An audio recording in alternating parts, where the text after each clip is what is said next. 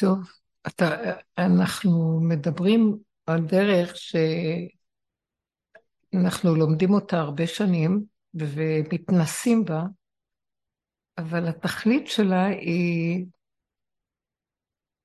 אה, להיכנס למוח אחר מהעולם, וזה מאוד קשה. אני הרבה פעמים מרגישה שאני מדברת. קשה לחיות את זה. כשאני מדברת, אה,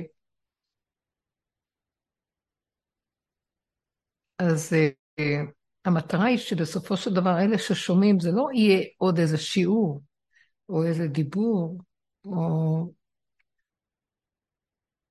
אה, עוד איזה שיטה. התכלית של הדרך שאנחנו מדברים עליה היא להגיע למקום שאנחנו מפרקים את אותה תודעה שאנחנו חיים בה בעולם, פסיכולוגיית העולם, שהיא מושתתת על הבסיס של האני. יש הרבה גאווה בעולם. הגאווה פירושה של דבר ההכרה של דמיון שאנחנו מציאות בפני עצמה. וזה מאוד קשה, קשה לדבר, כי אנחנו מדברים מתוך ההבנה וההשגה, ואנחנו מדברים בשפה של אני, אתה, הוא. זו שפה קשה, זו שפה של, שהיא משקרת, היא לא אומרת לנו את האמת. לכן העולם הזה, התודעה הזאת, שאנחנו מכנים אותה עץ הדעת, היא תודעת שקר, זה עלמא דשיקרא. כי באמת האדם חושב שהוא קיים, והוא אומר אני, וכשיש אני אז יש אתה ויש הוא, וכשיש אני אז גם האתה מולי הוא מוחשי, ואז אני מתחשב בו ומתפעל ממנו, וזה, אה, וזה לפי ההתפעלות והחשיבה שלי, מה הוא אומר, מה נראה לו, מה הוא חושב עליי, הפידבק שאני רוצה לקבל ממנו זה הרפלקציה של הדמיון של האני, שהיא חיה דרך המחשבה מי היא, תדמית. וזה יוצר לנו את כל המציאות של העולם. זה יצר את כל המקום הזה של המלחמות בעולם, שאחד מאוים מהשני. אדם חי בדמיון מי הוא ומה הוא חושב ומה הוא רוצה, ואז הוא אה, מאוים מהשני שלא סובר כמותו, כאילו שהשני באמת מציאות בכלל, שהוא יסבור כך או כך. אה, אני לא יודעת כבר איך עוד לדבר, כל כך הרבה שנים של דיבורים ופירוקים. הגאווה הזאת היא מחריבה את העולם, זה להשתמש בכתר של בורא עולם. כל דהשתמש בתגה חלף, כך כתוב במשנה בפרקי אבות. כל מי שמשתמש בכתרה של תורה, כתרו של השם, אז הוא, אין לו קיום פה. זה דמיון מזעזע. אנחנו חיים בעולם הדמיון. ובתוך הדמיון הזה, מה אנחנו יכולים לעשות? כי אנחנו כבר שקועים בדמיון. אז גם כל הכלים שנותנים, או בוא נגיד החוקים והמוסר שנותנים לנו, זה איך להיות אני יותר טוב מאני רע. אני שעושה חסד, אני שנותן, אני שיודע, אני שלא, ש... שהוא מוסרי, יש כללים, יש חוקים שהתורה נותנת, שהמוסר שהעולם קיבל דרך התורה, כל העולם קיבל דרך התורה מוסר, אבל זה, האני לא נותן לאמת הזאת להכיר שאני חייב להיות בעולם מול השני ברמה של טוב, לא להזיק. אבל חוץ מזה, אני לא יכול לקחת את זה אחר כך ולשים לי אה, דרגה על הכתף, אני טוב. הטוב שאנחנו חייבים לעשות בעולם הוא כדי שהרע ממול לא יתגבר. אבל מיד אחרי שאני עושה טוב, מיד יש לאדם תחושה של סיפוק והרגשת גדלות שהוא אדם טוב. וזה איך שהוא גונב בצורה שקטה, מבלי מיסים, הוא חושב שהוא עושה טוב לשני או בעולם, ואז העולם מתקיים, אבל הטוב שבו, יצר הטוב שלו, גם גונב. זאת אומרת, גם יצר הרע וגם יצר הטוב, הם גונבים. מה הם גונבים? הם חושבים שהם קיימים. לפחות לטובת העולם עדיף שנהיה טובים ולא רעים, כדי שהעולם יתקיים ולא יהיה רשעות. אבל הרשעות היא, בתוך התודעה של העולם, היא כל כך מקובעת בתוכנית שלה, שהיא גונבת בשקט.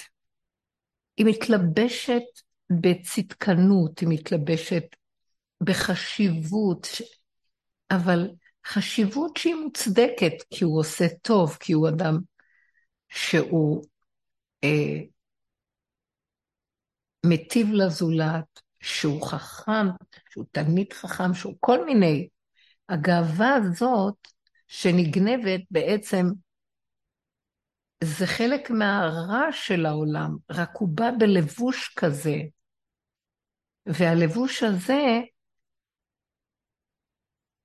הוא בעצם לא נותן לאמת להתגלות בעולם. וכשאין אמת, אז הטוב הזה מול הרע, אחד מזין את עצמו. כי הטוב הזה, שצריך לעשות טוב בעולם, חייב שיהיה רע כדי שיעשה טוב בעולם, ואז הוא יקבל מדרגה מזה. זה טוב שתלוי בדבר. יש מדרגה של צדיקים שעושים טוב, אבל כשהם עושים את הטוב, הם לא מחזיקים טובה לנפשם. והם ישר מבינים שהטוב הזה, זה חלק מהתפקיד שהם פה, מה לעשות שהם תקועים בתוך עולם כזה מבולבל.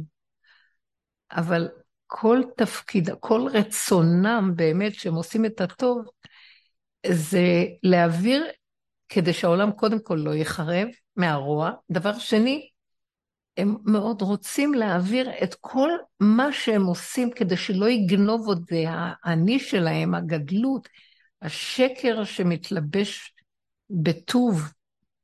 הם רוצים להעביר את זה ישר להשם. מה הכוונה? הם לא רוצים להחזיק טובה לנפשם, הם לא רוצים להרגיש שהם פועלים ועושים. זה דרגות של צדיקים שיש צדיק ויש צדיק אמת. צדיק אמת זה שהוא לא מה שהוא לא יעשה, הוא לא זוכר ולא מחזיק שום טובה שהוא עושה.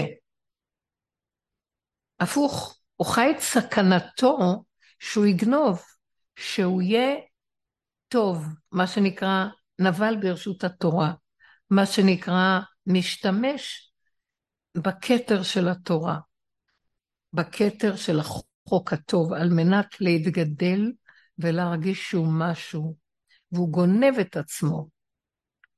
רב אושר היה אמן הקטנות. כל המהלך של הקטנות שלו היה הפחד שמה שהוא עושה טוב בעולם, יגנוב אותו שהוא אדם גדול, שהוא אדם שפועל לטובת הזולת, שהוא אדם בעל חסד, שיש לו חוכמת אמת. הפחד הכי גדול זה שברגע אחד, כל נקודה כזאת שהוא עושה טוב, יכולה להיגנב על ידי שטן בלבוש צדיק. אז הוא לא מצא שום עצה טובה לנפשו, רק להביא את עצמו לשפלות של השפלות. הוא היה אומר על עצמו שהוא פחות מכלב מת. קהלת אומר, כי טוב לכלב החי מן האריה המת. הכלב היא חיה בזויה. מה יש בחיה הזאת שהיא כל כך בזויה בתורה?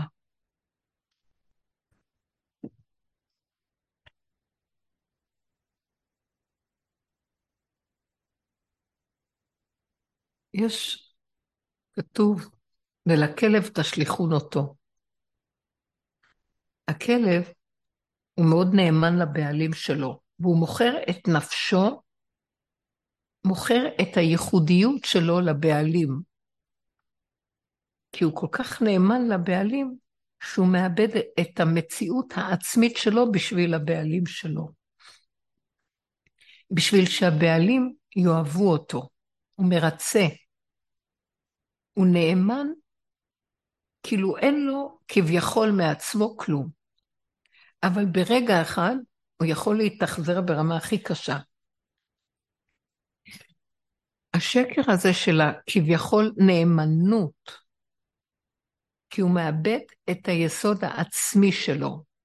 יסוד העצמי, כל נברא קיבל יסוד עצמי, והיסוד העצמי הזה הוא תכונה בטבע ברמה בסיסית, הווייתית קיומית, חוק הטבע. וזה כמו כלי, תכונה שהשם ברא אותה. בכל נברא, בכל אה, יצור, יש יצור נברא בחי, יש בצומח, בדומם, נבראים ונוצרים. כל מה שהוא ברא, נתן לו תכונה, וזו העצמיות שלו. התכונה הזאת, כל אחד כמובן בדרגה אחרת. לדומם יש סוג של עצמיות אחרת. לצומח, לחי, והאדם המדבר, זה על מנת שהוא יהיה כלי שדרכו יתגלה האור האלוקי, שברא את בריאתו, ושהכלי עצמו ידע ברמה שלו, זה לא ידע של דעת, כמו שאנחנו מבינים. בחוש הפשוט שלו, ידע שהתכונה שלו היא לשמש את בוראו, להיות כלי כדי שהאור האלוקי דרכו יתגלה. התכונה ניזונת מכוח אלוקי עליון, שהוא ברא את בריאתו, והוא שם את החותם שלו בתוך הבריאה. ואז יש להשם תועלת מעולמו. שהשם ברא את העולם לכבודו. לכבודי בראתי, יצרתי ועשיתי את עולמי, דרגות שונות.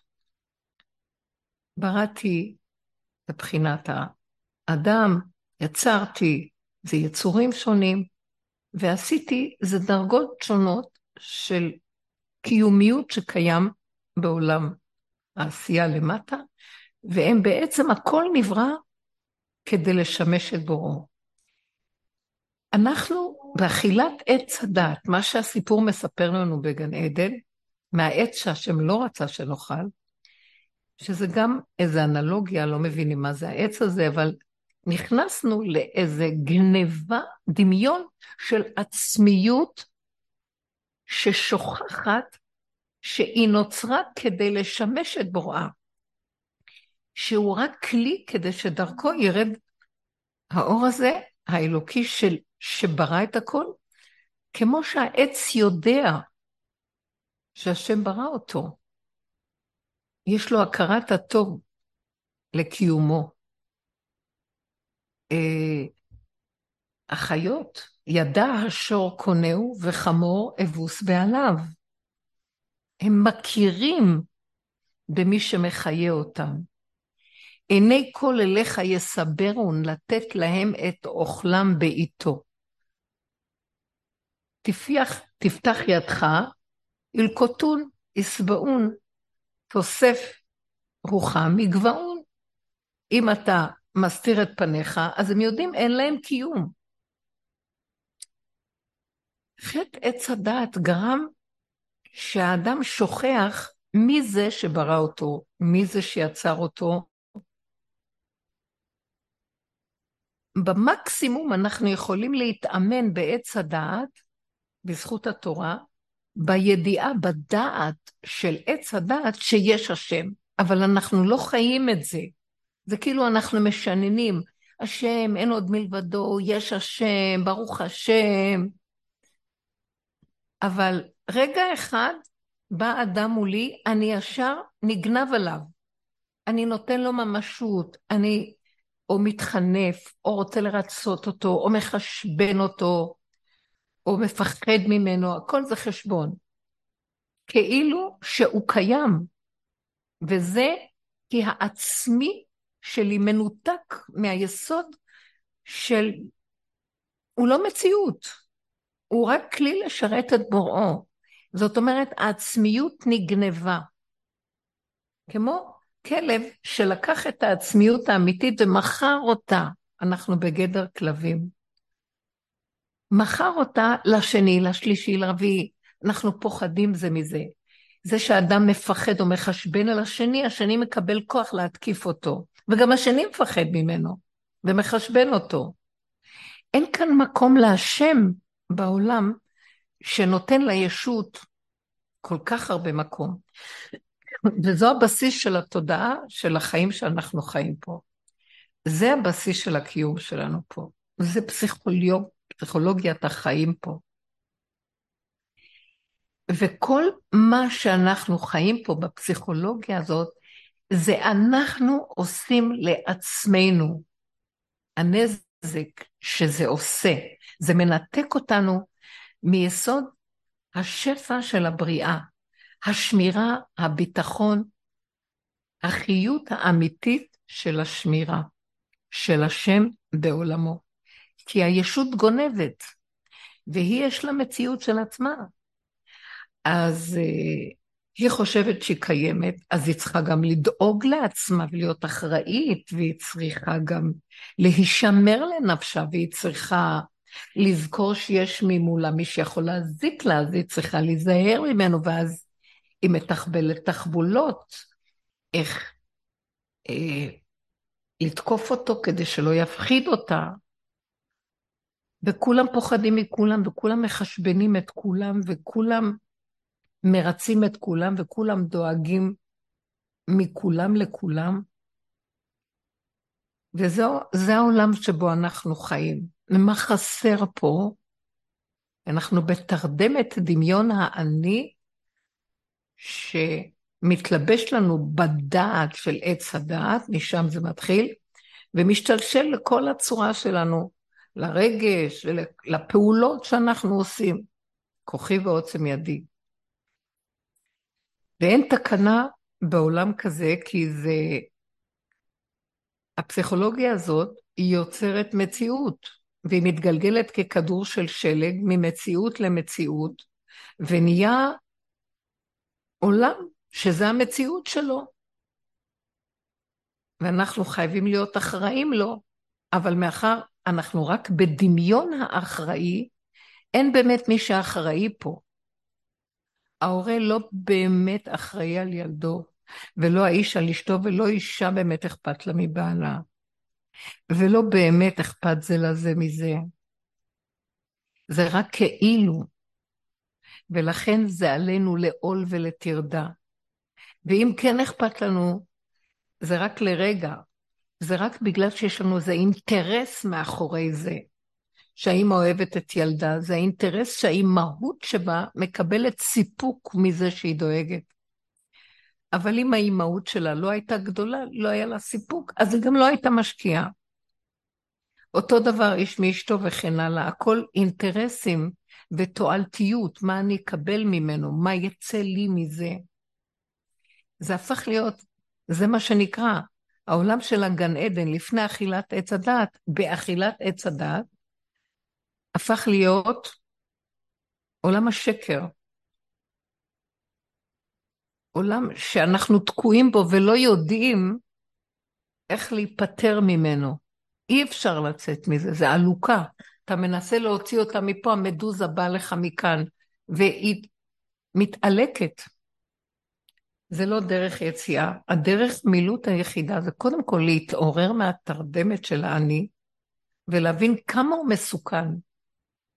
כמה הוא מסוכן בשלילה שלו, שהוא בהפקרות ולא אכפת לו, ויכול להזיק, זה רשעות, וכמה הוא מסוכן בחיוביות שלו, שהוא חושב שהוא פועל ועושה ונותן ומתנדב ורץ, הוא בעצם משפריץ לכל עבר את הסיפוק ואת האני שלו, ועל כל חותם הוא חותם את האני הזה, ועדיין יש כאן היעדר של הבעלים האמיתיים של הבריאה, שזה השם שברא את עולמו.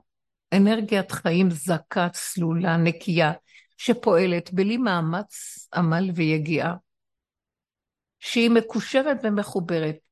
סוף, מחשב, סוף מעשה במחשבה תחילה. אם, ה, אם יש מחשבה בבריאה, מיד יש גם את הכוח של המעשה איתה. וההרגש זה רק כמו איזה זירוז של חשק לקיים את המעשה מהמחשבה. זה בריאה מושלמת במבנה שלה. ואיך נכנס שטן כזה לבריאה הזאת, מקדמת דנא, ומה שאנחנו לא עושים, לא מצליחים להוציא אותו.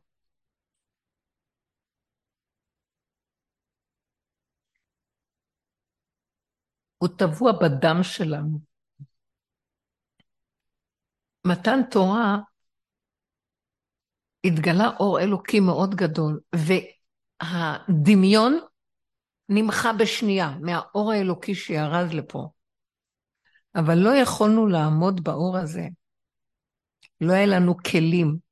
ואז האור עלה, ונשארו רק החוקים שבתורה, לשמור עלינו, שלא נחריב את העולם עם הישות הזאת, ואז נהיינו רעים מול הטובים, עץ הדעת, טוב מול הרע.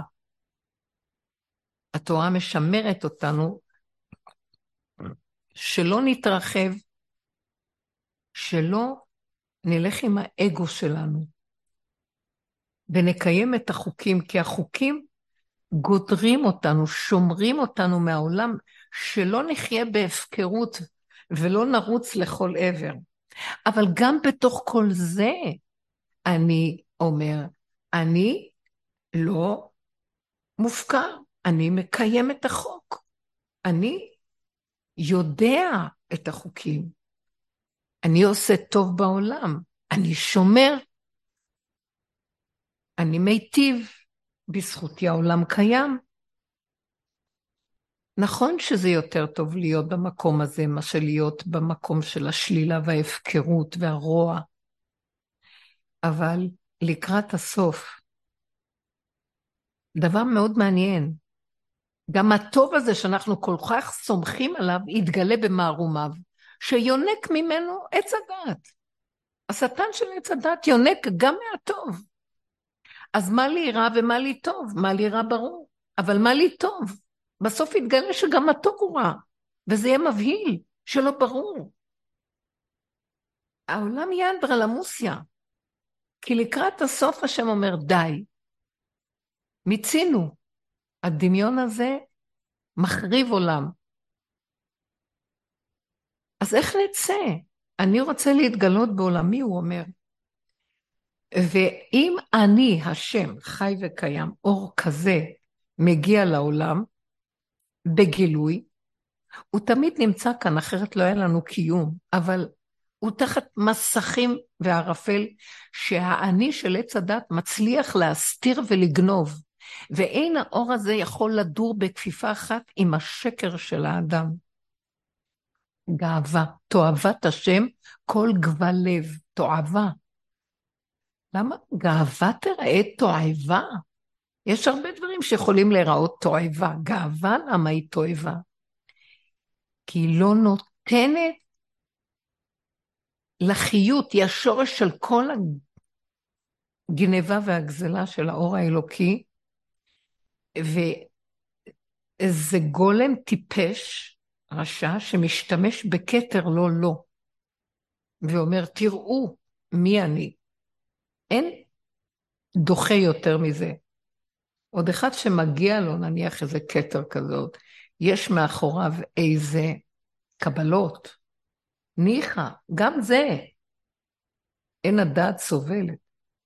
שיחשוב שזהו כאשר הנשימה ברגע אחד נעתקת, כולם רואים מי זה שמנשים אותנו. אבל ניחא, אבל כאלה רשעים שיגידו אני, וכל העולם מלא מזה, אז זה תועבת השם. ואלה שהם טובים, אבל הם בתרדמת. מה יועיל הטוב שלהם? כי מה שיקרה לקראת הסוף, שגם שם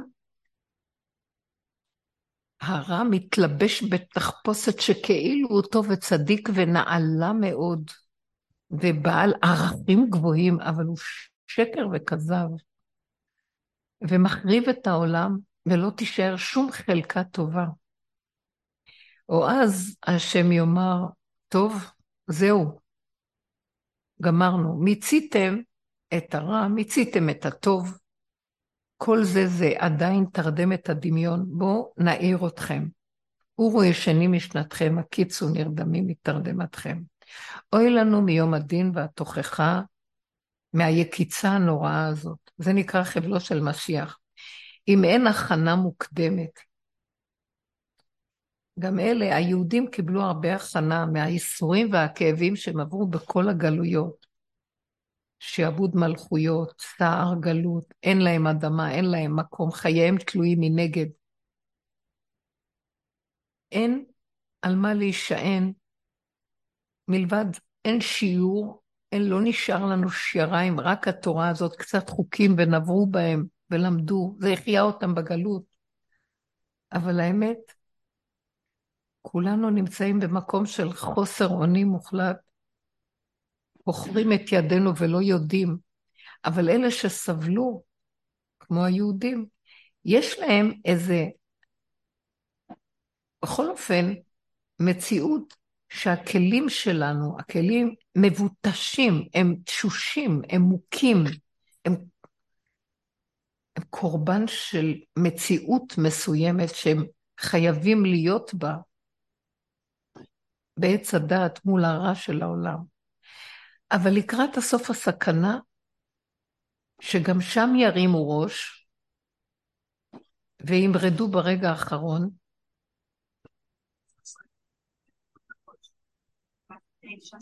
וכל התהליך שנעשה בגלות, להתמעט, יתפרק, ותהיה גאווה גדולה שתשתולל פה. כוחי ועוצם ידי, בכל צורה. רב אושר היה אומר שאדם צריך להחזיק מעצמו פחות מכלב מת. זאת אומרת, כל הדרך שאנחנו מדברים עליה, הכותרת הגדולה שלה היא הכנעה. תנו הכנעה. תכניעו את הישות שלכם. איזה דרך אפשר להכניע ישות? אז הוא היה אומר דבר מעניין, וזה מבעל, מתורת הבעל שם טוב, וחשוב מאוד, שהוא החוכמה הכי גדולה. תחפשו רק את השלילה של עצמכם, תתחילו מהשלילה, אל תלכו על החיובי. אל תלכו לחפש כמה אתם גדולים וחשובים והולך לכם, או כמה אתם משהו. כל פעם שאנחנו רוצים מהשני איזה מחמאה, או שאנחנו מאוימים מאיזה שלילה שמישהו אומר לנו משהו, כל פעם שיש לנו פחד, ת, תעצרו רגע ותגידו, הנה, זה המציאות שלי באמת.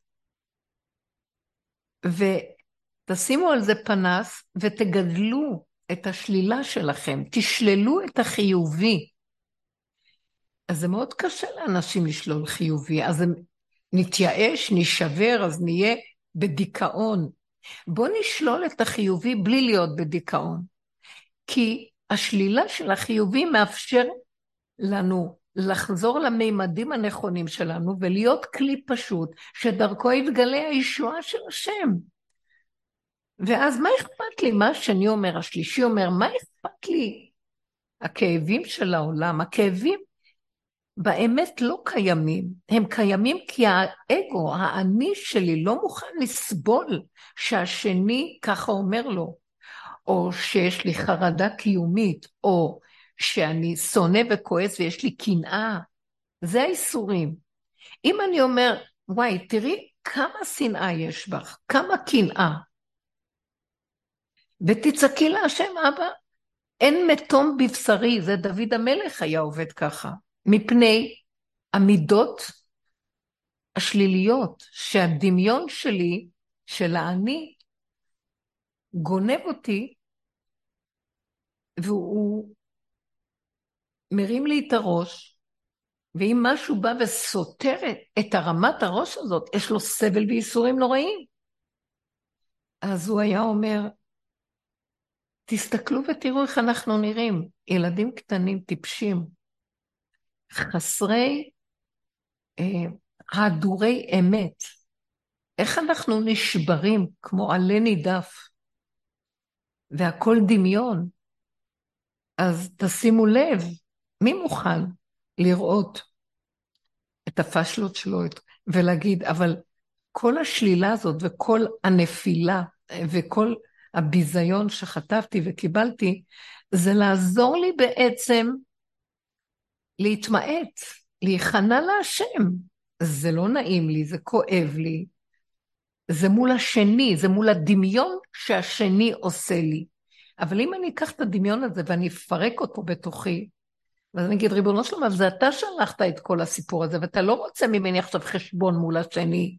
אתה רוצה שאני אעזוב את השני שלישי ואת העולם, את כל צורה של החיים פה, ואני אקח את הפשטות הקיומית המוכה כביכול, ואגיד, אבל זה אתה שלחת, אתה רוצה אותי אליך. אז מה אכפת לי? אם אני קשורה איתך, מי זה שיכול להכות אותי בכלל?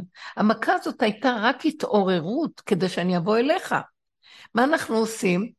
אנחנו עסוקים בלטהר את הכבוד האבוד שלנו ולהצדיק את עצמנו שהשני לא מבין אותנו, והוא בוודאי טועה, ולהדוף מלחמה שערה, ולא להסכים למה שקורה, ולהתקיף בנקמנות או בכעס, או לשוחח ולהסביר כמה שהשני טועה. איבדנו את הנקודה. כל מה ששולחים לנו כאן, הפחדים, החרדות, הכאבים, הרימו מסך והראו לנו שאין לנו כאן כלום. ובכל אופן, הפחדים, אז אני רץ לסדר לי, מי יסדר לי את הפחדים? אין מי שיסדר פחדים, אין פסיכולוגים, אין שיטות, זה הכל מלשון שטות. השיטות השונות לא נגמרות, כל יום צצה כפטריה חדשה עוד שיטה. אם הן היו עובדות השיטות האלה, למה כל כך הרבה שיטות חדשות באות? משמע שאין מזור לעולם בשיטה הקודמת, אז צריכים להמציא שיטה חדשה. זה עץ מלא שטותים, עץ השיטה, עץ השטויות. אם היינו מסכימים ואומרים, אני לא רוצה, לא רוצה לסבול, טיפש מי שסובל. מי זה שסובל? זה הגאווה והיהירות שלי, הדמיון של הישות שלי, שמחשיב את עצמו לאיזה אחד שעומד על הר גבוה, ואז פתאום הנמיכו לו את ההר, ואז הוא כואב. אין לו הר ואין לו כלום, הוא עומד על כלום. יתוש שקפץ לאור, וחושב שהוא בעל מדרגה. הוא בעל מדרגה, אתם יודעים איזה בעל מדרגה? שמה שלא יעשו לו, הוא לא כואב מכלום ולא אכפת לו. הוא מודה אפילו באמת. צוחק. כי הוא רואה את התוכנית פה, והוא אומר, התוכנית הזאת היא גונבת, היא תוכנית מסוכנת, היא תוכנית טיפשית. אני תקוע בעולם כסילי, ששולט עליו איזה מלך כסיל, טיפש, שעושה כאילו הכל, כל היום כאילו, וכל היום אנחנו רק מנסים לסדר את הכאילו הזה, האבוד של קיומנו, הכל כאילו פה.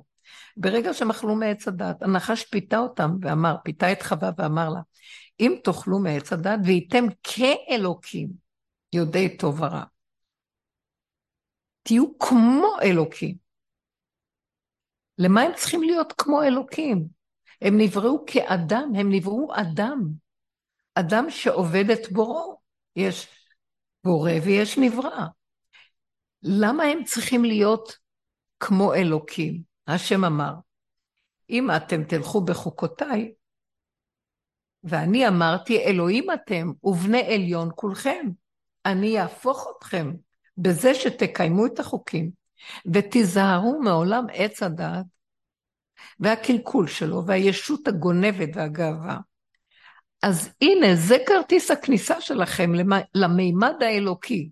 אני פשוט אשב על הכלי שלכם, אתם הכלי, ואני האור, ואנחנו, מיד אני מת, מתאחד איתכם, ומה אכפת לי שתצטרפו ונהיה אחדות, אור וכלי שזה אלוקות, ביחד. אז למה אתם צריכים להיות כאילו אלוקים? בשביל מה? הנה אכלנו מעץ הדעת, ואנחנו באמת כל היום בתודעת הכאילו. וכל היום אנחנו רק בתודעה של עץ הדעת רוצים להתעלות ושואפים להגיע, ויש לנו תמיד שם, שם, שם. וזה הכל דמיון, אף פעם אף אחד לא הגיע לשם הזה. איפה זה השם הזה בכלל? אין שם. לאן אנחנו רוצים להגיע? אין אדם מת וחצי תאוותו בידו, זה מה שאמרו חז"ל. סך הכל, מה רציתי לומר? אני רציתי לייחד את הדיבור, שהדרך, המטרה שלה זה שאנחנו ניכנס לעבודת אמת, להתעקש, לתת לעצמנו, להתעקש לעבוד על איפוק, על הכלה, כאשר השני מעורר לנו, כאשר העולם מעורר לנו תגובה. התגובות שלנו הן תגובות של אגו, של שקר, להתאפק ולא לענות. ולהסתכל בעצמנו ולראות איך אנחנו נראים, מבוהלים, ולהביא את זה בתפילה להשם ולהגיד תרחם. זה מתחיל להכניע את הגאווה, ללמוד להתעקש שאנחנו לא חיים פה בשביל להיות בתגובתיות לעולם, אלא בשביל להביא את כל מה שקורה בעולם ועובר דרכנו אליו. אנחנו הכלים שהוא ברא אותנו לכבודו. ומאחר ואנחנו נכנסנו לקליפת עץ הדת בכל הדורות, אנחנו חייבים להתעורר, לזכור את המהלך הראשוני. הגאולה זה לחזור ליסוד אדם הראשון. דוד המלך עשה תיקון שאדם הראשון נתן לו 70 שנה מחייו, כי הוא היה צריך להיות נפל. מה זה דוד המלך? מה זה נפל? כל מה שהוא לא עשה, קודם כל ביסוד שלו, הוא היה צריך להיות בן אדם שאין לו קיום. וכשהאדם הראשון ראה את הנשמה הקדושה הזאת, הוא הבין שהוא יעשה תיקון למה שהוא עשה, שהוא אכל מעץ הדת, אדם הראשון. ואז הוא נתן לו 70 שנה. ואז ה-70 שנה האלה, דוד המלך היה מציאות של נפל, אבל שקיים. כל מה שהוא לא עשה, לא הלך לו. לא הלך לו, היה מציאות של נפילה. שלא הצליח, שרדפו אותו, שהוא לא היה, הוא לא היה בחן של העולם, העולם לא יכול היה לסבול אותו. משיח, העולם לא סובל את הריח שלו, כי הוא סותר את השקר של העולם. אנחנו חיים בחן של שקר. אנחנו כל הזמן מתחנחנים ורוצים שיאהבו אותנו ושנהיה בסדר ונראה טוב בעיני העולם. אף אחד לא רוצה שישנאו אותו. אבל בוא נגיד שיש רגע של שלילה. זה רגע של ניסיון שהשם אומר, אל תיכנסו בניסיון ותתחילו להתכתש עם השני והשלישי, זה ש, שכביכול דרכו הניסיון מגיע אליכם. הוא רק הסיבה שאני שלחתי הוא רק המקל שדרכו אתם תראו את עצמכם ותחזרו אליי. תחזרו אליי ותגידו, אבאלה, אנחנו לא רוצים להיכנס בסבל של הנפילות, של השבירות, של הכאבים. אז אני רוצה את קרבתך, תן לי לחיות איתך. כאשר אנחנו משתהים ואנחנו רבים על כבודנו, מתקוטטים או עומדים על דעתנו ומתווכחים ומתנצחים, או נשברים, או מלאי חרדות קיומיות. אז אנחנו מאבדים את הסיבה שבאה כדי לעורר אותנו, כדי להעביר את זה להשם, ולהגיד לו, אנחנו כאן חסרי אונים. אנחנו לא באנו כאן לדאוג על הקיום שלנו, לא באנו לכאן כדי לשמור על המציאות שלנו. ושיהיה לנו ביטחון על ידי העבודות שאנחנו עושים על עצמנו. לא באנו לכאן כדי להשתעבד לפרעה הזה של תודעת עץ הדת ולבנות לו ערי מסכנות. אז אתה מעורר אותנו דרך השלילה שבאה לקראתנו. אז תן לנו לא להתבזבז ולהיות מבוהלים ממנה, מהפחד והחרדה הכפייתית ששמא אני אאבד את התדמית של הדמיון של הקיום שלי במעמד הדמיוני שסידרתי לעצמי, ואז אני עוזב את האפשרות להתחבר להשם, לאנרגיה של השלווה, של השקט, של השפע של הברכה, של השמירה האמיתית פה. אין לנו תקנה בעולם. אין תקנה בעולם. העולם מגיע לסיומו.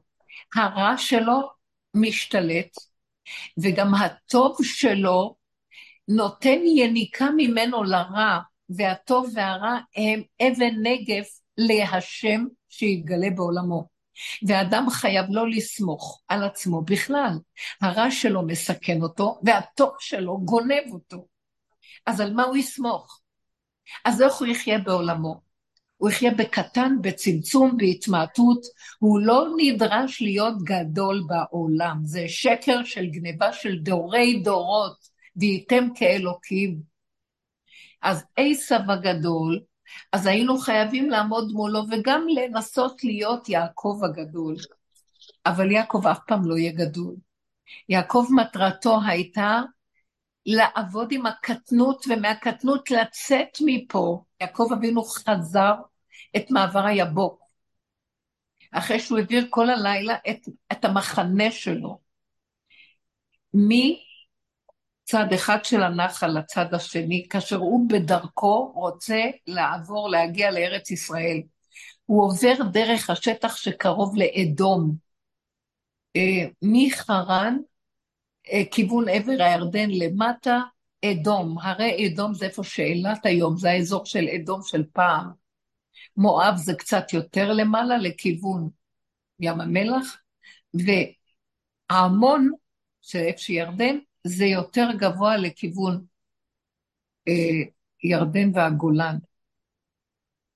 אז חרן נמצאת באזור המזרחי מעבר לירדן, מעבר לארץ ירדן, שם בכיוון של המזרח, צפון יותר, והוא יורד משם לכיוון ארץ ישראל. אז יש נחל היבוק, שצריך לעבור אותו כדי להיכנס לאזור ארץ ישראל.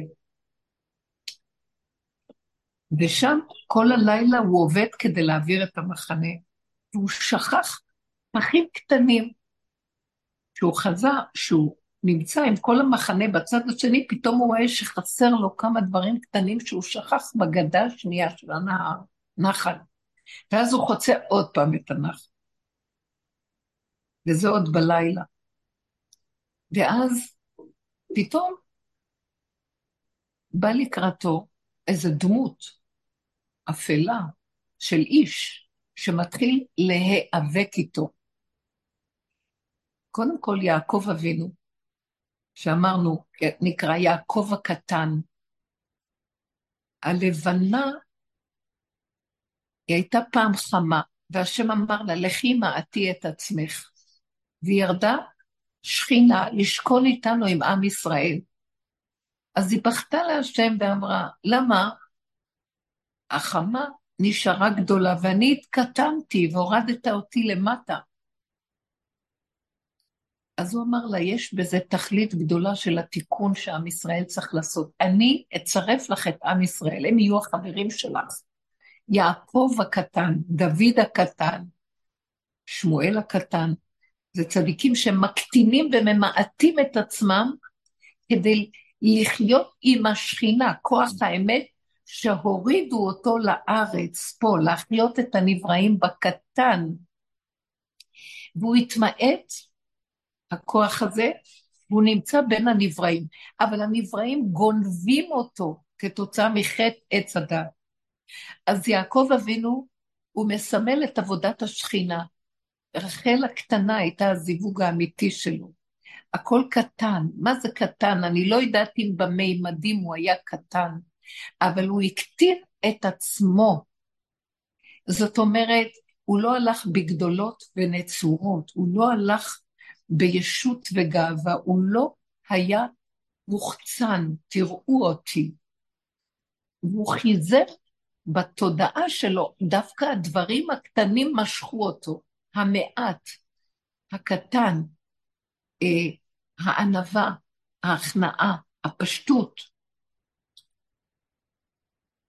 והפחים הקטנים שהתורה אומרת לנו שהוא עזב והלך להביא אותם, הם בעצם היו הבסיס שעזר לו בעצם במאבק שלו עם אותו דמות שמופיעה לו בגדה של הנהר, בגדה השנייה כשהוא חוצה בצד השני,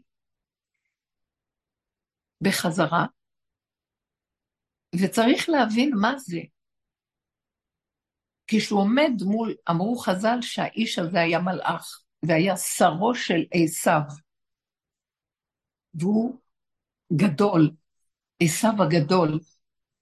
איזה יכולת ליעקב אבינו לנצח את המלאך הגדול הזה? מה יכול הכוח שיכול לנצח אותו? אם הוא יראה גדלות מול גדלות, הוא ילך לאיבוד. כי הגדלות של עשיו, שרו של עשיו, השורש של עשיו, תאכל אותו. אתה בא במקצוע שלי, אני אראה לך מי אני. אני יותר גדול ממך בגדלות.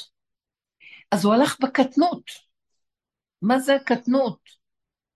הוא נכנס, לקח את המוח שלו, בטח פחד, אימה וחרדה יכול היה ליפול עליו. לקח את המוח והכניס אותו למטה לבשר שלו. אה, לקח את הישות שיושבת במוח גבוהה, והוריד אותה, הוא התאמן בזה, הוא הוריד אותה למטה, למטה, למטה, כאילו אני לא קיים, אפס.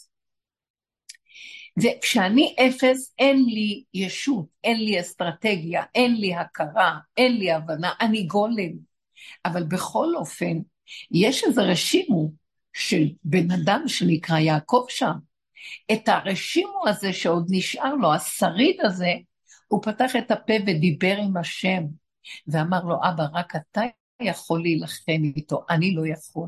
רק אתה יכול לו, אני לא. הוא עמד ישר בנקודה קטנה בתחתיות שלו, והאיש נאבק איתו ימינה-שמאלה, בגדלות. אבל יעקב אבינו, כאילו הוא יצא מהגוף שלו ונשאר כגולם אבן שלא זזה, ולא ימין ולא שמאל. הוא לא השתלב עם התנועות שהטבע דורש לזוז במאבק. הס... השני נאבק, האיש הזה נאבק, אבל לא יעקב. הוא נשאר קטן והוא לא זז. ופעם הסברתי שהנחש, שרו של עשיו, הנחש רואה מהצדדים, הוא לא רואה, מי שעומד ישר מולו, הוא לא רואה אותו. כי המבט שלו בצדדים, זה הנחש סימן שאלה. הוא רואה עץ הדעת טוב, עץ הדעת רע. זה ההתרחבות מנקודת האמת והתחלת מה שנקרא אה, התפתחות השקר. מנקודת אמת קטנה באמצע, הוא פונה ימינה, שמאלה, שמאלה, ימינה, ימינה, שמאלה, זה מפרנס את זה בחיצוניות, ואז נקודת האמת מתעלמת. אז הוא לא ראה את יעקב, בזכות ההתמעטות של יעקב והקטנות שלו. וככה המלאך לא היה יכול לו. ואז, לא רק שהמלאך לא יכול לו, קרה מהפך. השונא הגדול נעלם, הרוע נעלם, ומתגלה אור אלוקי בתוך המלאך, שמהקללה הוא מברך אותו בסוף. ואומר לו, אתה לא יקרא שמך יעקב, אתה קטן, הקטנת את עצמך כמו עקב קטן, אתה תהפך להיות ישראל, ישר כל, האלוקות בתוכך, יש לך קו ישר, שהאלוקות היא מבריחה מן הקצה לקצה, מהמחשבה ישר עד למטה, מבלי להתבלבל מהמימדים של העולם, ימינה-שמאלה. לאורך לרוחב. סיבובים, לא. נקודה פשוטה. זה המקום שיעקב אבינו הצליח להכניע את שרו של עשיו. בסוף הדורות, אותו מאבק של יעקב, שנקרא עם ישראל, יבוא שוב, אנחנו קוראים את עצמנו ישראל, מדינת ישראל. אנחנו משקרים. אין לנו את מעלת ישראל, אנחנו לא ישרים. אנחנו, בגלל זה לא הולך לנו, אנחנו מדינה בבלבול. כי שכחנו את קו הישר, שכחנו שאנחנו פה כלים של משהו שעובר דרכנו מלמעלה עד למטה, ואנחנו רק הכלי והכיסא והקופסה שדרכו האור הזה מתגלה. ואז טוב לנו וטוב לעולם בזכות האור שעובר דרכנו. שכחנו את זה, ועץ הדת שולט בנו, הגניבה של כוחי ועוצם ידי. החשבונות רבים, כן ולא וטוב ורע, נכון לא נכון. הגאווה והגדלות, משחקי אגו, משחקי כס, כיסאות. וזה בעוכרינו. אנחנו מופקרים, אנחנו מופקרים לגורל של משהו שמשתה בנו, נחש עץ הדעת. לקראת הסוף יהיה כאן מלחמה, כמו שהנביאים אומרים, שנקראת מלחמת גוג ומגוג. מלחמה גדולה מאוד, ששרו של עשיו יבוא לכאן, שרו של ישמעאל יבוא לכאן, וכולם ירצו לריב על החלקת אדמה הזאת, למי היא שייכת. היא בחינת הבת מלך שכולם רוצים אותה. ועם ישראל יהיה במצוקה. המילה עם ישראל, איבדנו את המשמעות שלה. ישראל זה התמעטות, בתוכו זה קטנות, זה כלי של השם, שכשמופיע האור האלוקי בתוכו, הוא הופך להיות ישראל. אבל בלי האור האלוקי, אנחנו מבוהלים, מפוחדים. גם יעקב אבינו פחד, הוא פחד כל הזמן, וגם המפרשים דנים אותו על כך, שהוא מפחד מעשיו ומתחנף אליו, וקורא לו אדוני, והולך לקראתו בחרדה ופחד. אי אפשר לדון ואי אפשר לשפוט חס ושלום, אבל גם אנחנו מרצים את אומות העולם. הרמב"ן אומר בפירוש שלו בפרשה, שכשיעקב אבינו מתחנף לעשו וקורא לו אדוני, אז בעצם מעשה אבות סימן לבנים. בכל הדורות, עם ישראל, ברגע שהוא מתחשב באומות העולם, אז לאומות העולם יש שליטה עליהם לנצח אותם. וזה רק היה רחמים של השם, שעשו נכנע, ובשם על יעקב הקטן.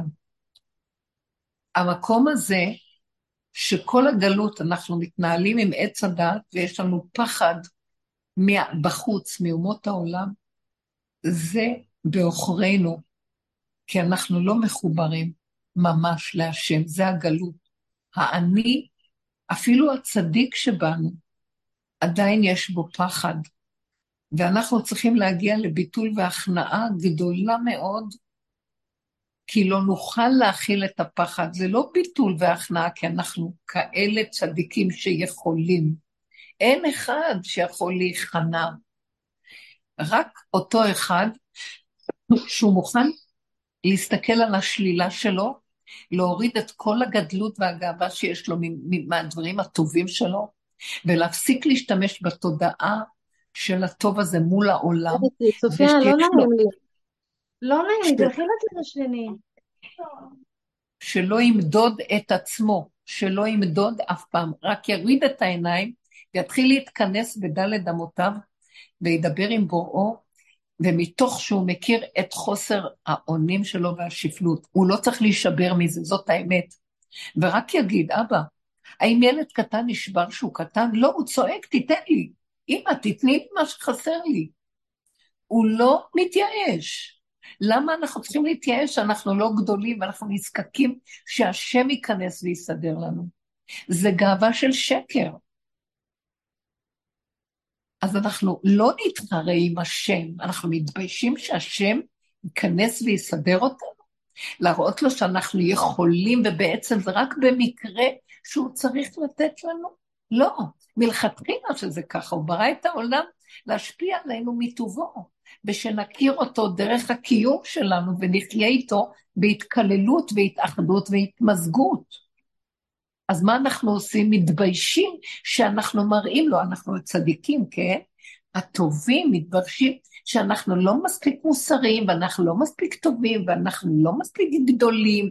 תעזבו את השקר הזה, אף פעם לא נהיה, אין מקום כזה שאפשר להגיע אליו שהוא מושלם, זה שקר. וזה לא מה שיציל אותנו, הגאולה האחרונה תלויה בכמה נראה את הכלום שלנו, את האפסיות, את הדמיון של השקר, של דמיון בלון הגדלות הנפוח הזה.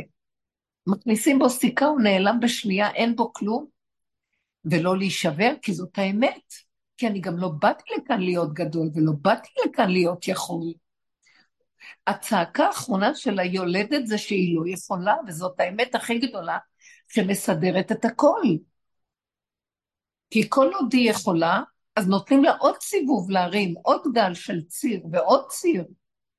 ואנחנו צריכים לחיות עכשיו בתודעה הזאת של הלא יכול, בלי שיוורון, בלי שנשבר מול השם. מה אנחנו צריכים לשחק אותה יכולים מול השם? וזה שאנחנו מול העולם נשברים, כי אני עוד רוצה איזה מעמד מול השני והשלישי והעולם. וזה בעוכרינו, כי הגאולה לא תהיה מול העולם, הגאולה תהיה באפס עולם מול בורא עולם. מי יכול להכיל את הגאולה אם יהיה ישות שם? זה פיצוץ אטומי. זה תדר שאין האני והשם יכולים לדור בכפיפה אחת. זה שקר, זה גנבת דעת, זה דמיון. בגלל זה הטבע שונא למשיח. הוא לא יכול להריח את האדם הזה בעולם, השקר. כי הוא אמת והוא שקוף, אין בו כלום. הוא מוכן להגיד אני כלום, והטבע מלא ישות וגניבה שלי, אני. וזה מה שבעוכרינו ולא נותן לנו להיגאל. וכל הכאבים באים מהאני הזה, ונלאינו מלסדר את האני הזה. אם זה ברוח שלו, שזה הדעות וההבנות וההשגות, אנחנו חולי רוח. ואם זה בנפש, ברגשות ובנפש של האדם, אנחנו חולי נפש ולא מצאנו מזור לנפשנו ולא מזור לרוחנו. אין רופא שיסדר את חולי הרוח ואת חולי הנפש, אין שיטה שתטפל בזה, זה שקר מזעזע. צריך לעזוב את הכל ולהיות קטנים ופשוטים, ולהתאמן בדלת אמות של קטנות ופשטות קיומית, ולרדת מכל הקומות הגבוהות והמגדלים והבניינים רבי הקומות, שקר וכזב, הכל התמוטט ברגע. הנביאים מדברים על זה. רב אושר היה אומר, כל הבניינים יהיו עפר, כל הכסף יהיה זרוק ברחוב. זה לא יועיל לנו בעת פקודה. ההתאמנות על ההתמעטות והקטנות וישרות פשוטה, ולא לתת לעולם להיות הקנה מידה שדרכו אני חי. שקר, כי הוא לא נותן לי אפשרות הוא לא נותן פתח מילוט, כי אני כל הזמן רק מחשבן מה חושבים, מה אמרתי, לא אמרתי, כן זה טוב, כן זה רע, מה אני אעשה, אני לא אעשה, זה יעזור לי, זה לא יעזור לי, תחבולות, תחמונים, חשבונות רבים, ולא יוצאים מזה, הוא גונב לנו את המוח, את הרגש, את הקיום הזה, אנחנו, הגוף שלנו גנוב, הנפש גנובה, הרוח גנובה, הדעת גנובה, הכל גנוב פה. שקר וכזב. זה אמת פשוטה מה שאני אומרת. כל ההשכלות האלה זה יוון ותרבותה. כל המשרות והגדלות וכל הפחד הקיומי הזה, עולם החומר של מכונה שהתקלקלה, ואנחנו כמו מטורפים נעים בין שיניה, היא מגלגלת אותנו מצד לצד, מלאי חרדות, מבית ומחוץ, מלאי כעס ורוגז ומכאובים, קטטות, מריבות, צנעות, קנאת איש מרעהו, מלחמות, חולי. תגידו, זה חיים זה? השם ברא עולם יפהפה, בריאה מושלמת, יפה, שניתן ליהנות ממנה, כאשר אנחנו באמת בתודעה של נברא שמכיר שיש לו בורא, וההתמזגות עושה אותו חלק מהבורא. מושלם, ולא חסר לו דבר. זה תודעה אחרת, תודעת הגאולה. לא צריך להתאמץ, לא צריך לרוץ רחוק.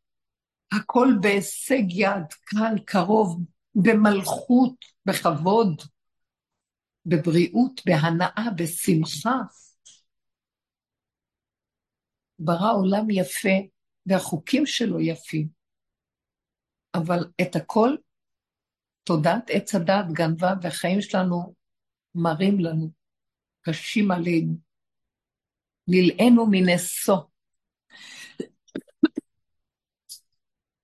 ועל כן, לרדת מהעץ, סוף הדורות, להכיר שזו תודעת גניבה ושקר, להתעורר מהתרדמת שלה, להתעורר מהסם שלה, זה סם שהזריקו לנו.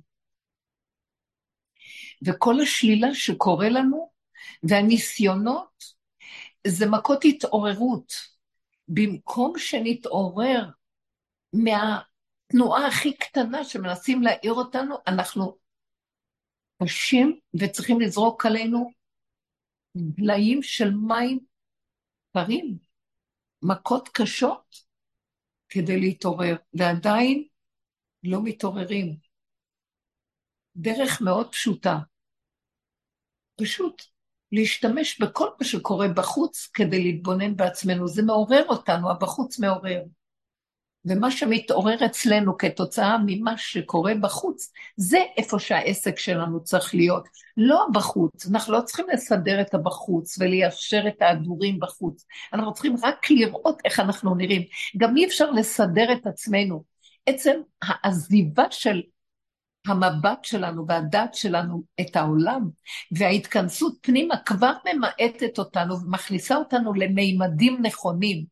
ואז אנחנו שמים את הדעת במידות שלנו, בצורה שאיך שאנחנו חיים, ורואים את, את פשטות איך אנחנו חיים בשקר. וזה תהליך של התכנסות פנימה וצמצום והתמעטות. יעקב הקטן, סוף סוף נהיה שייכים לו. הלכנו לאיבוד, למדנו מדרכי עשב הגדול. אנחנו התערבנו בתרבות האומות וילמדו, והתערבו בגויים וילמדו ממעשיהם. אנחנו לא הולכים בחוק הנכון, שמה שמתאים לעם ישראל, וקוראים עוד לעצמנו בשיא העזות והחוצפה, מדינת ישראל. מי נתן רשות לקרוא לנו את השם הזה? נכון שיש פה נקודה, שעם ישראל אחרי כל הגלויות באים ורוצים להקים חזון של התיישבות נכון, אבל איפה התורה, איפה החוקים, איפה המידות הנכונות, איפה היסוד והבסיס של השם הזה שנקרא ישראל? הוא חייב לבוא מההתמעטות והקטנות, אחרי הגלות והמכות שהתמעטנו כל כך וחזרנו לארצנו. איזה ראש שרמנו פה, איזה כפירה בהשם ובדרכיו. איזה חשיבה של גויים יש פה. מה קרה לנו? זה הספר שלנו, פשוט. ואנחנו צריכים להתמעט בחזרה. אין דרך להציל ברגע האחרון את המדינה הזאת מהקיום הנורא, איך שאנחנו נראים, על מנת לחזור לשפיות של אמת, של יושר, של מוסר נכון, של צדק, של משפט ישר, של ברכה, של שלום, של שפע, של אהבה שאינה תלויה בדבר, של שקט נפשי, של יציבות רוחנית. איך אנחנו נראים? שום דבר לא ברור. בלבול אחד גדול, גם ברוחניות, גם בעולם התורה, גם בעולם בחוץ בכלל. כל האומות נושאות עינינו, עיניהם אלינו, כדי שנביא מזור לעולם. הגאולה תלויה בנו. ותראו, השנאה של האנטישמיות היא כתוצאה מזה שאנחנו מתחנפים אליהם והולכים בדרכיהם ולא נכנסים לעבוד את עבודת האמת שלנו. אל שפלות, שפלות של כלום, ולא להישבר ולא להתייאש שהתדמית נשברת לנו ממה שקורה לנו, כי זה שקר, זה תדמית של שקר, אנחנו לא חייבים להיות בגדלות ולא בגובה ולא מוצלחים ולא מושלמים ולא כלום. אנחנו צריכים להיות באמת, כמו ילדים קטנים שמחים ונהנים, בריאים, שטוב להם, ולפתוח את הפה ולהודות, או אז יתגלה אור עלינו, וחוכמה אמיתית מיסוד נחל נובע מקור חוכמה, מתחתיות האדם יזרום שפע, נחל שמחיה בנו, חיות של אמת, תקומת השכינה, כוח של ההתמעטות והקטנות האלוקית שנמצאת בתוכנו, נקים ונגדל אותה כאור השחר. בהתחלה היא לאט לאט לאט, ואחר כך לפרוץ כמו חמה, כצאת השמש בגבורתו. אבל אנחנו הולכים הפוך, בכאילו אורות, כאילו חמה, כאילו שכל, כאילו גדלות, כאילו חשיבות, כאילו יכולות, כאילו וכאילו וכאילו. ועכשיו מראים לנו בפשטות שהכל באמת כאילו. קודם שיחקנו אותה כאילו זה אמת, אבל עכשיו רואים שזה רק כאילו. ואז אנחנו נבהלים, כי לא יודעים לאן ללכת. אז אם זה לא אמת, אז איפה האמת? האמת נמצאת רק אחרי שנסכים להודות שזה כאילו ונעזוב את הכאילו. ונסכים להיות פשוטים ולא נהיה מאוימים מהכאילו שלנו, מהשקר, אבל נעזוב את הכאילו. מודה ועוזב ירוחם, יבואו הרחמים, יבוא אור של רחמים. אור של רחמים זה אור י"ג מידות הרחמים, שזה אור הגדול. טוב, אז אם מישהי רוצה לשאול משהו, שתשאל. יש לכם שאלה? האם אתן שומעות אותי? כן, שומעים טוב. טוב, אז האם יש איזו שאלה?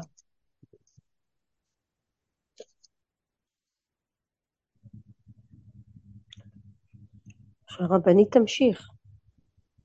אז, אז אגיד לכם, המסר שפה זה חבר'ה, בנות, אלה שיודעים, תיכנסו באמת בדרך.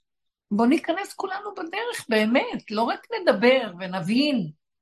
ההבנה זה לא הדרך. ההבנה זה התחלה. אבל הדרך היא שאין הבנה, שלא הולך מה שאנחנו רוצים, חושך לנו. אה, חושך של עץ הדעת, של הדפוס שלו, העליב אותי, פגעו בי, לא הסתדר לי. אני בזוי, אני שפל, אני נפול.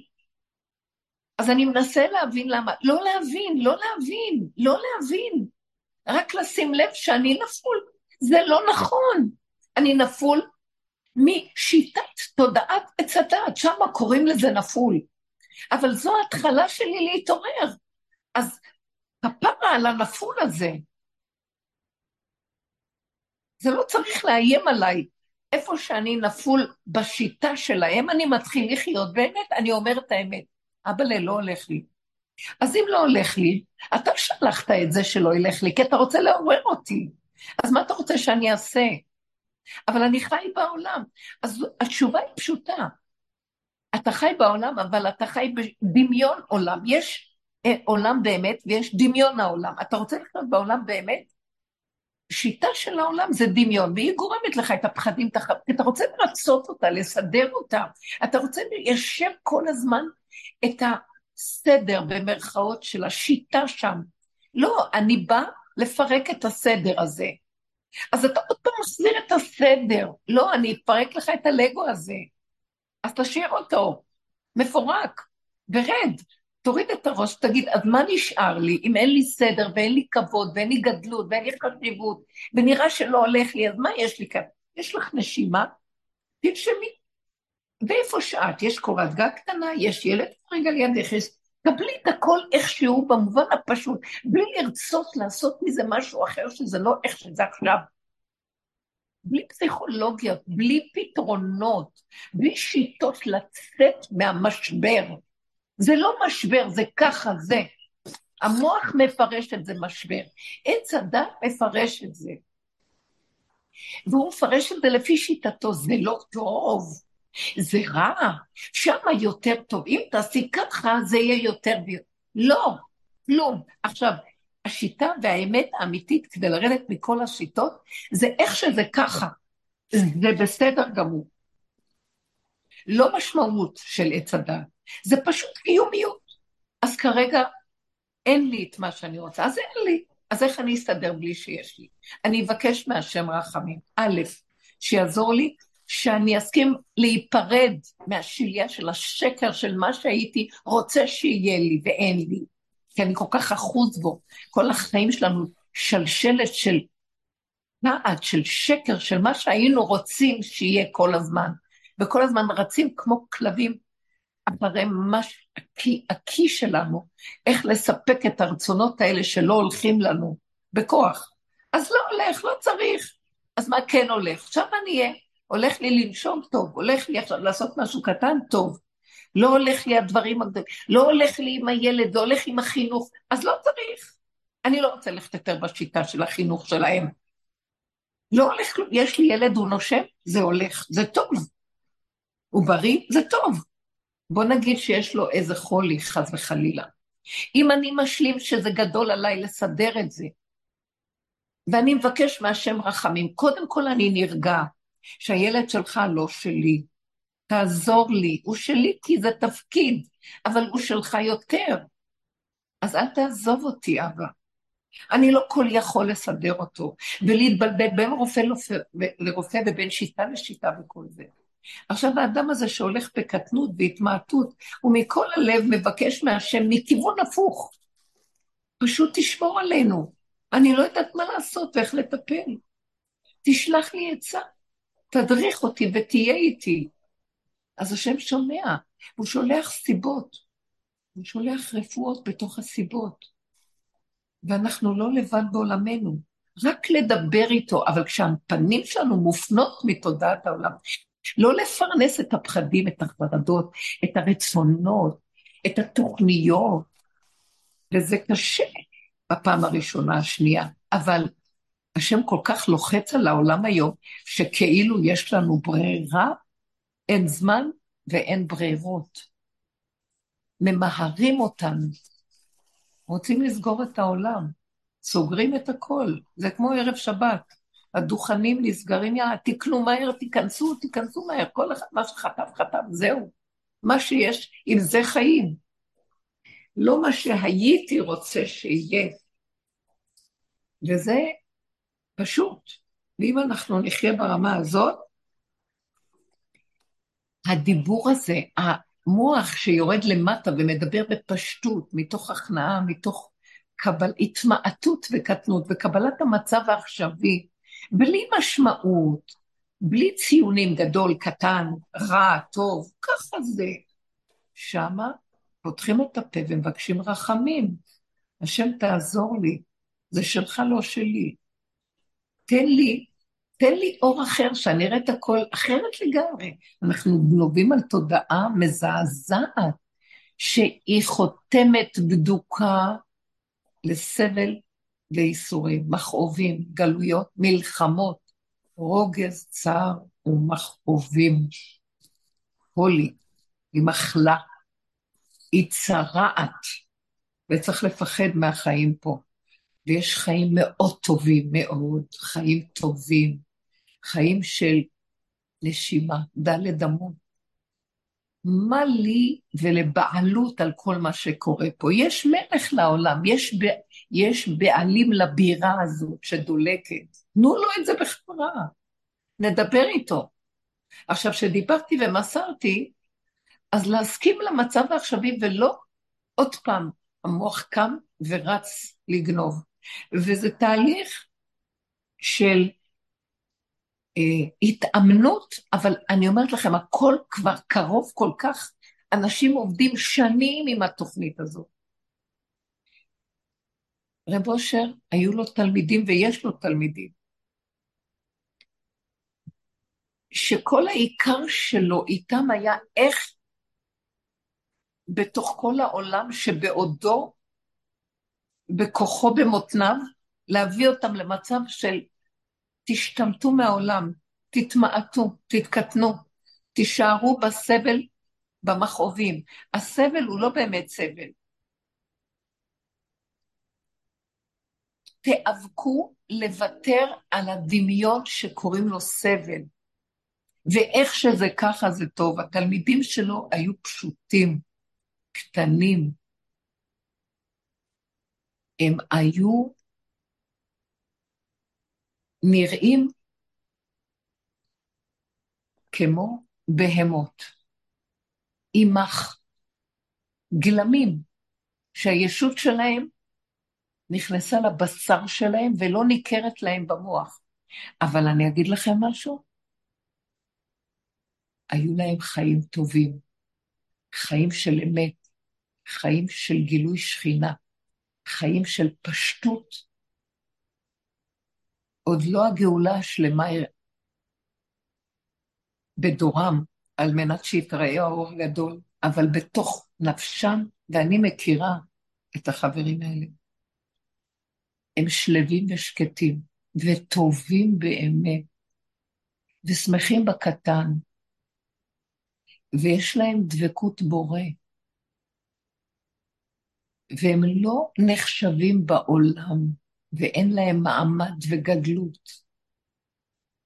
כשהם התמעטו וקיבלו והורידו ראש, התבדלו מהם הייסורים והכאבים, ולא היה דרך להביא אותם למקום הזה רק על ידי הייסורים והכאבים. והייסורים והכאבים זה כדי לנתק אותם משליית העולם. אבל הם עשו בשביל כולנו עבודה מדהימה שאי אפשר לתאר. מסרו את חייהם כדי שאלה שבאים אחריהם בסוף הדורות יוכלו בקלות להכיר שבוא נזרוק את כל האבל של הדמיונות ופסיכולוגיית העולם הטיפשית הזאת, ויהיה לנו קל יותר להגיע למה שהם עבדו כדי למסור את חייהם. להישאר קטנים, מתמעטים, פשוטים, אבל שכינה בדלת אמותיהם. ואנשים כאלה הם המחזיקים של העולם, הם מאפשרים שיתגלה בורא בעולם. אז עכשיו, הוא קורא בכל קריאה גדולה, חבר'ה, אין זמן. מה שהם יתוו לכם דרך, ובזכות העבודה שלהם, שסבלו מאוד מאוד כדי לבטש את הקליפה הקשה הזו של ישות גדלות וגאוות עץ הדת, אתם בקלות יותר מהר יכולים לוותר עליה, כי במילא אין לכם מה להפסיד, אתם רואים איך שהכל נראה. אבל אתם יודעים, אני יודעת שאני מדברת אחרי זה נגיד, מה, העולם ממשיך, מה? מה, מה יש פה? זה העולם, מה לעשות? זה העולם. תראו כמה פעמים השם מעורר אותנו ואנחנו בוחרים להמשיך לישון, ויגיעו הזמנים אשר זה יהיה מאוחר, ולא יאפשרו עוד את ההתכנסות והצמצום. מי שלא ייכנס לבחינה הזאת של איך עמי בו בחדריך, כמו בגאולת מצרים, שהוא אמר להם במכת בכורות, כולכם תיכנסו הביתה ותשימו דם על המשקופים, לאות וסימן שהמשחית לא יעבור בבתיכם. היו כאלה שלא שמו לב, 20 אחוז יצאו ממצרים, מבני ישראל, חמישית. ובסוף אותו דבר יכול לקרות. 80 הלכו לאבדון שם, עם המצרים והמכות. אז לא חבל. יש לנו קריאה נוספת, עשו לנו עבודה, התוו לנו דרך. לשנו ודיברנו כל כך הרבה שנים, צריך לחיות את זה. אנחנו לא רוצים סבל, אף אחד לא מזמין עליו סבל. הבורא לא ברא את הבריאה שנסבול, לא הם ולא שכרם האיסורים. גם הוא לא רצה לנסות אותנו. הניסיונות הם רק בעץ הדעת. כשיש לי גאווה ואני רוצה להתגבר ולהיות יכול להצליח. מה רע בלהצליח? ההצלחה היא עצם זה שאני נושם ואני מהווה מדור וכלי לגילוי שכינה. הוא פועל בשבילי הכל. למה אני צריך להיאבק על הניצחון וכל היום להילחם ולנצח? הניסיון לא נברא רק בגלל הגאווה והישות, ועיקרו של הניסיון לבסוף זה לרדת מהניסיונות, לרדת מהאיסורים, להסכים ולא להיאבק עם כלום, ולהגיד אני לא יכול. וכשאני אומר אני לא יכול, אז אני צריך להתכוון לזה. להישאר בדלת אמות של מה שמתאפשר לי בפשטות, וזהו. שיכעסו עליי, שיבזו אותי, שיגידו לי, שירדו עליי, מה, מה אתה, אתה בהפקרות, אתה לא מתמודד. אז תלכו אתם תתמודדו. עץ הדת זה הפקרות אחת גדולה. כל היום, גם אלה שעובדים קשה הם בהפקרות. כי כל מה שהם עובדים, הקליפה אוכלת את כל מה שהם עובדים. הם, זה כמו המכשפה שגידלה את הילדים כדי לאכול אותם בסוף.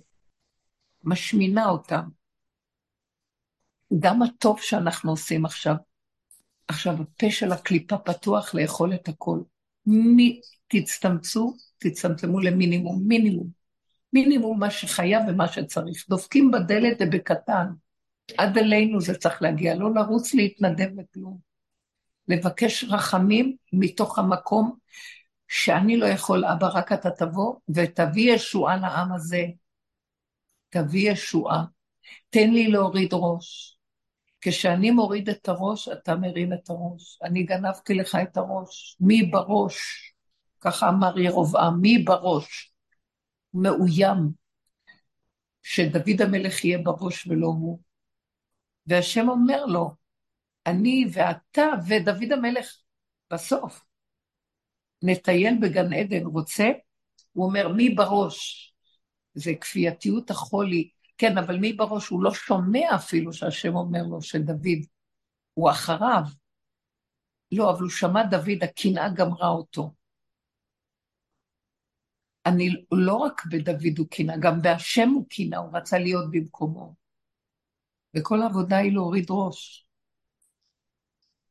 מחץ ראש על ארץ רבה. זה המלחמה האחרונה של השם.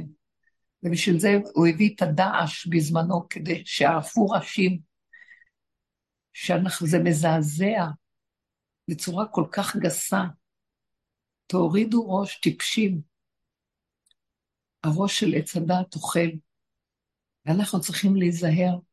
הורדת הראש של הקליפה, של הישות, של האני, היא-היא הרמת הראש של הבורא. מחץ ראש על ארץ רבה, על כן מנחל, על כן ירים ראש מנחל בדרך ישתה.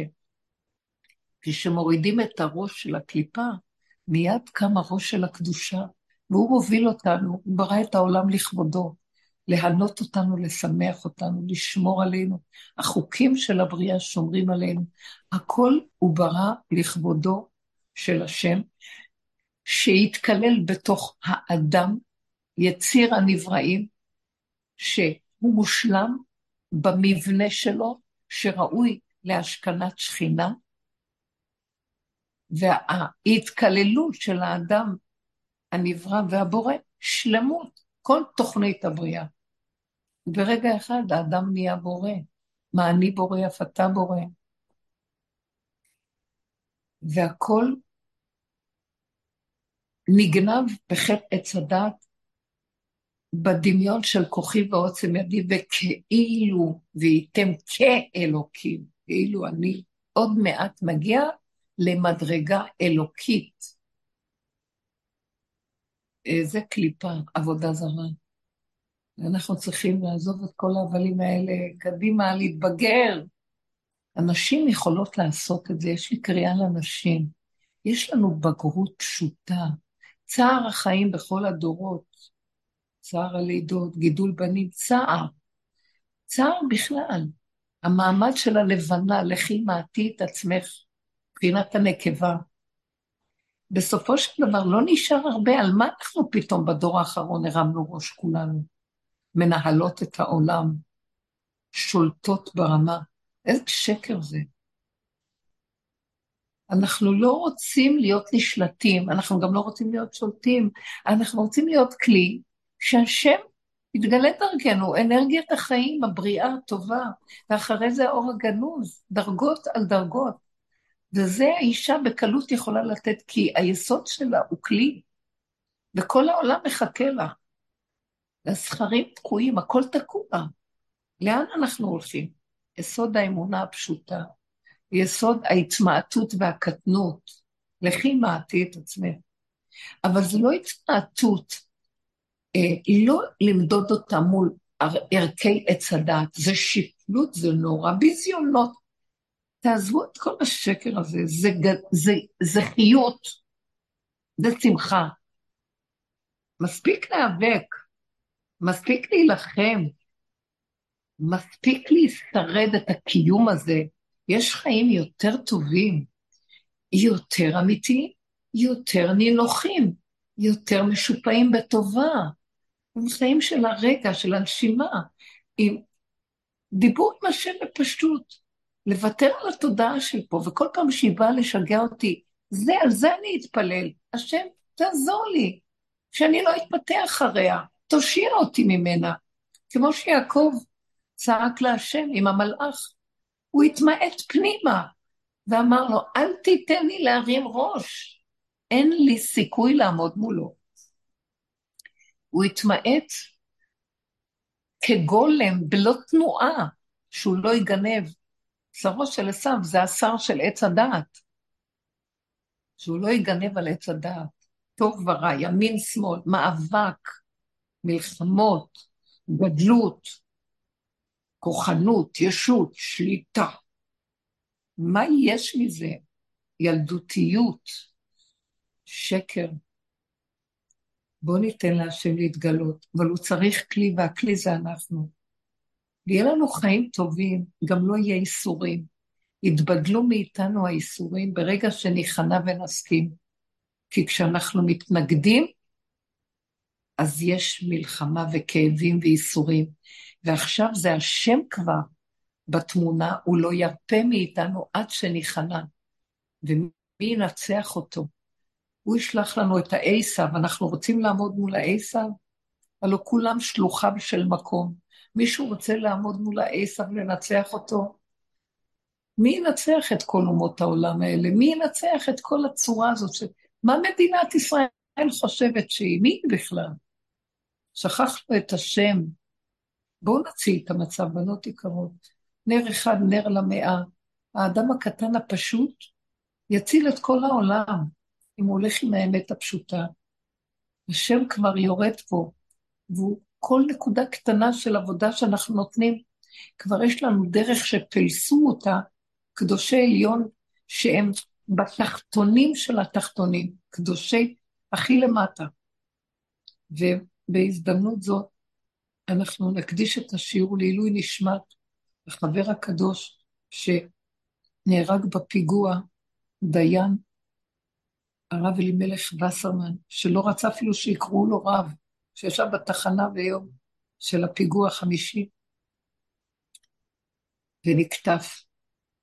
והוא היה דוגמה לפשטות, לענווה, להכנעה. החברים האלו, החתן של רב אושר, שמסרו את חייהם, לא היה להם קיום כמו העולם, לא הלך להם, לא כבוד ולא כלום. ודיינים בדרך כלל מכובדים. הוא נסע באוטובוס כל יום. לא כבוד ולא פאר ולא הדר. למה? כי הוא רצה שלהשם תהיה המלוכה. שהשם ירים ראש, שהכבוד יהיה שלו. ובסוף, השם העלה אותו למדרגות הכי גבוהות, קדוש עליון, ממש למחיצתם של קדושי עליון ברגע אחד. שהוא מת על קידוש השם רק בשביל שהוא יהודי, כי כל חייו הוא נתן את מציאותו על קידוש השם. איך לתת להשם את הכבוד ואת המלכות. זה קידוש השם בחיים, ובסוף גם במיטה. אשרי שזכה, אשרי שזכה, אשריו שזכה. עכשיו אנחנו רוצים לקדש את החיים ולא את המיטה, כדי לאפשר להשם להתגלות. אז אנחנו פה נקדש את החיים על ידי זה שנכניע את השורש פרועי ראש ולענה של הגאווה והישות, שכל רגע היא באה לנו בכל מיני צורות במידות. שם נכניע אותה. בגאווה ולעומתה ייאוש. גם גאווה וגם ייאוש, זה הכל זבל של ישות עץ הדת. הקנאה והשנאה והתחרות והרצון לכבוד והגדלות והרחבות, הנפש הרחבה, התאוות והישות והקנאה, אמרנו על הקנאה, והנקמנות והנטרנות והווכחנות והנצחנות והקמצנות והקפצנות. זה המידות של הגדלות והגאווה שאנחנו מתהדרים בהם. בואו נודה באמת, אף אחד לא מוכן להודות שהוא קמצן, שהוא קנאי. בואו נודה באמת. קמצנים, קנאים, נקמנים ונטרנים, קנטרנים, בעלי גאווה, בעלי ישות, בעלי ייאוש, בעלי דמיון העצמי וחשיבות, בעלי רציחה, כעס, הכל. תגידו אמת, נכון, ותמשכו את ידיכם מהעולם. כי רגע אני אשים את הראש שלי בעולם, אי אפשר שלא להיות קנאי. ועוד לא רק זאת, אני אגיד, השני קנאי. אני, מה פתאום, זה הוא. העולם ישדוד אותי, יכריח אותי לשלילה, לגניבה ולגזל של המידות, וגם יצדיק את עצמו שזה בגלל השני, והוא צדיק יסוד עולם. אין תקנה פה, רק תמשכו את ידיכם מהעולם ואת כוחותיכם, ואת התודעה ותתחילו להכניס אותה בבשר ודם, ונראה מי אנחנו באמת, פחות מכלב מת. ואז נכניע את הראש להשם ונגיד לו, אבא, זה אפילו לא אני, זה האני שלי שהתלבש עליו, השטן הזה, קח אותו בחזרה. אין לי כוח כבר לסבול ולריב, איך אני כזה, ולהישבר שאני כל כך כזה. אין לי כוח כבר.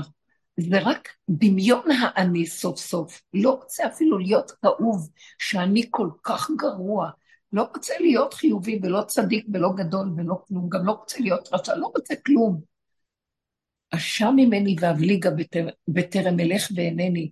אני רוצה להיות קטן ופשוט, נהנה ושמח, ילד טהור בגן עדן של השם. בבקשה, אבא, בבקשה. אז לא להיות בצער.